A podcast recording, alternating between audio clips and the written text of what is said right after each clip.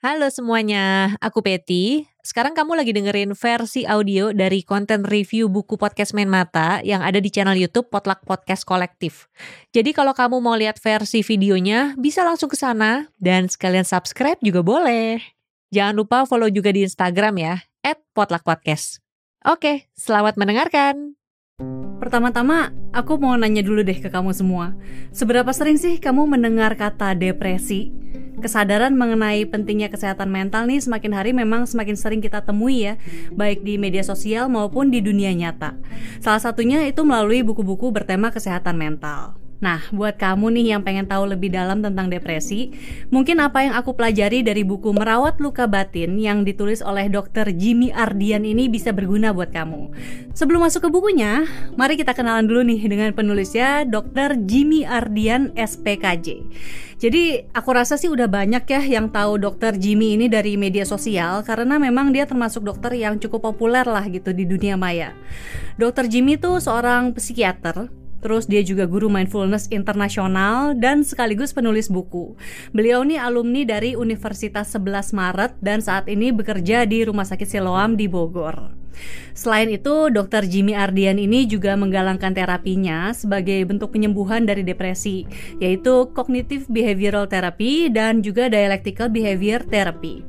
Kalau kamu pengen tahu lebih banyak nih tentang Dr. Jimmy, nanti langsung aja cek di Instagramnya dia ya di @jimmyardian atau bisa ke Twitternya juga, dia juga suka banyak nge-tweet di sana. Kalau ngomongin buku merawat luka batin ya, menurutku buku ini tuh cocok dibaca kalau kamu sering kepikiran sama sesuatu yang menyakitkan di masa lalu, atau punya temen atau keluarga yang pernah mengalami depresi, atau kamu sendiri adalah penyintas depresi atau mungkin ya memang saat ini sedang mengalami. Buku ini bisa menjadi salah satu pengantar buat kamu yang pengen memahami depresi dan mindfulness secara lebih mendalam. Secara garis besar, buku Merawat Luka Batin ini ngebahas apa pengertian depresi dan gimana kita sebagai sesama manusia tuh menanggapi kondisi seperti itu. Di bukunya, penulis tuh ngasih disclaimer dulu nih, kalau buku ini tuh tidak menggantikan peran tenaga profesional psikiater ya, maupun juga psikolog klinis. Mungkin disclaimer ini tuh dibikin karena ada beberapa bagian di buku yang isinya tuh memang latihan-latihan dan juga hal-hal mengenai penanganan depresi. Buku ini terdiri dari 8 bab yang isinya tuh kurang lebih merangkum tiga poin penting. Jadi yang pertama ini penjabaran mengenai depresi secara mendalam, kemudian yang kedua itu latihan-latihan nih yang bisa kita lakukan untuk mencegah depresi, dan yang ketiga itu gimana sebaiknya menanggapi seseorang yang sedang mengalami depresi. Kita bahas satu-satu ya.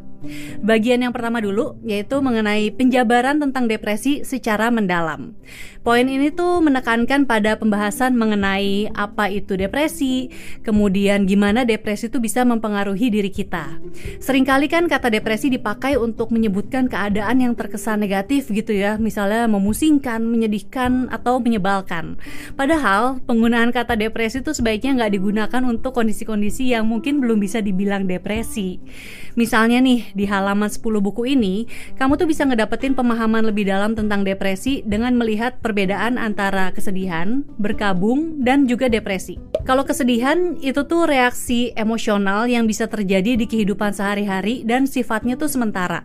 Nah, kesedihan ini umumnya tuh memerlukan dukungan atau bantuan orang lain dan dia tuh bisa hilang dalam kurun waktu yang tidak terlalu lama lah gitu.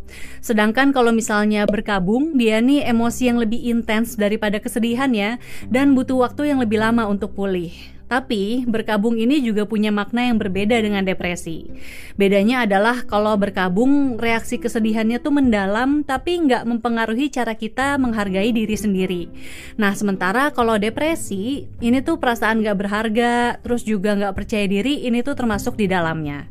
Penyebab depresi ini juga bisa beda-beda, misalnya kayak genetik, kematian, konflik, perundungan, terus ada kejadian traumatis gitu di masa kecil atau kejadian yang tidak diduga-duga nih terjadi, terus juga stres, penyakit, penyalahgunaan obat dan isolasi.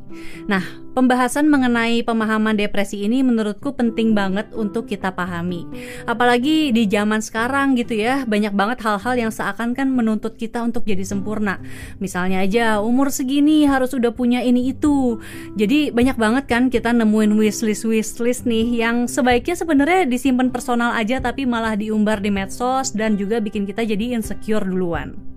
Ini juga bisa memicu munculnya tanda-tanda depresi, apalagi tekanan itu tuh datang dari mana-mana. Nah, poin penting yang kedua, ini yang bakal kamu dapetin ya dari buku ini adalah latihan-latihan yang bisa dilakukan untuk mencegah depresi.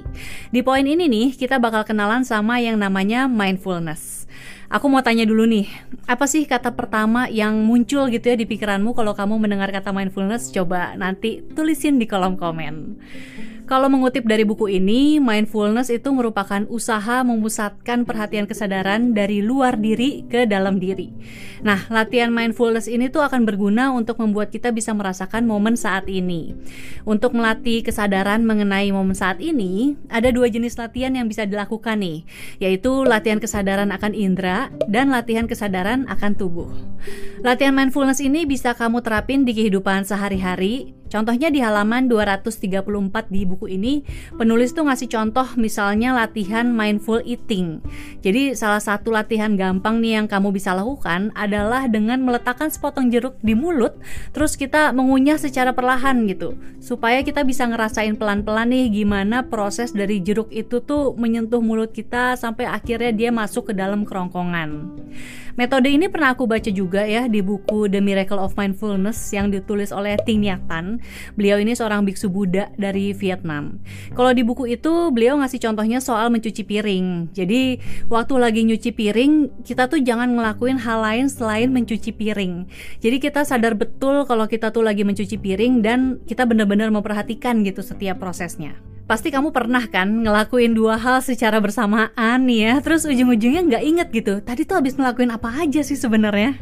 Nah, poin penting ketiga, sekaligus poin penting terakhir yang bakalan aku bahas adalah gimana sebaiknya menanggapi seseorang yang sedang mengalami depresi. Dikutip dari buku ini, ada 8 hal nih yang bisa kamu lakukan untuk mengasihi seseorang yang sedang mengalami depresi, yaitu yang pertama, terima perasaan mereka. Kemudian yang kedua, terhubunglah dengan orangnya, bukan depresinya.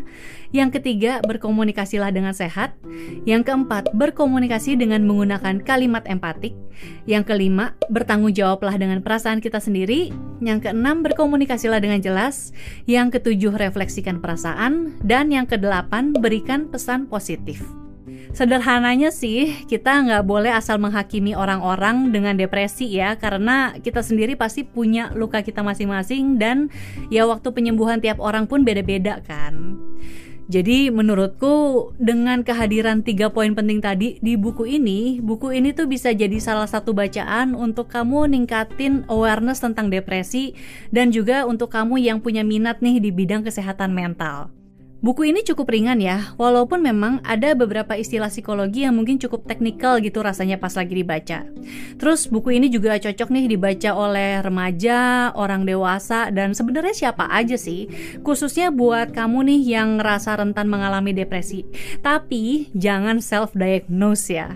Kalau misalnya kamu ngerasa kamu mengalami depresi gitu, ya coba pelan-pelan untuk meningkatkan penghargaan ke diri sendiri dulu. Tapi kalau misalnya kamu sudah merasa butuh bantuan ke profesional, jangan ragu untuk pergi. Buku ini kayak jadi semacam paket komplit kali ya untuk kamu yang pengen mendalami hal-hal terkait depresi dan juga mindfulness.